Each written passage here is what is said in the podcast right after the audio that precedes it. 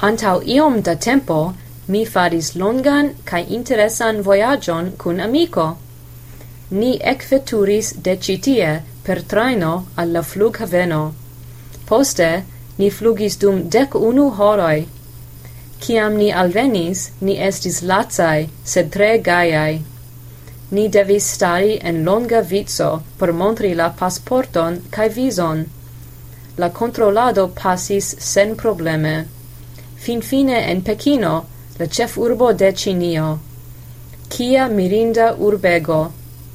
Ial nia Cina amicino ne estis en la flughaveno por renconti nin. Kion fari nun, ni pensis. Multai viroi criis, "Taksio! Taksio!"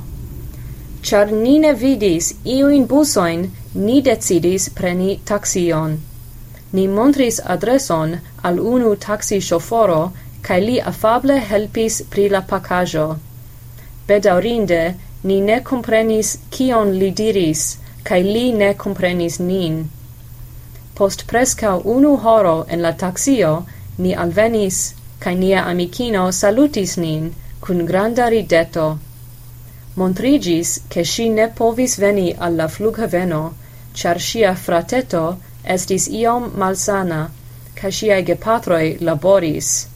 Ho, mi havis vere bonan tempon en Pekino cun miae geamicoi. Iam mi shatus reveni.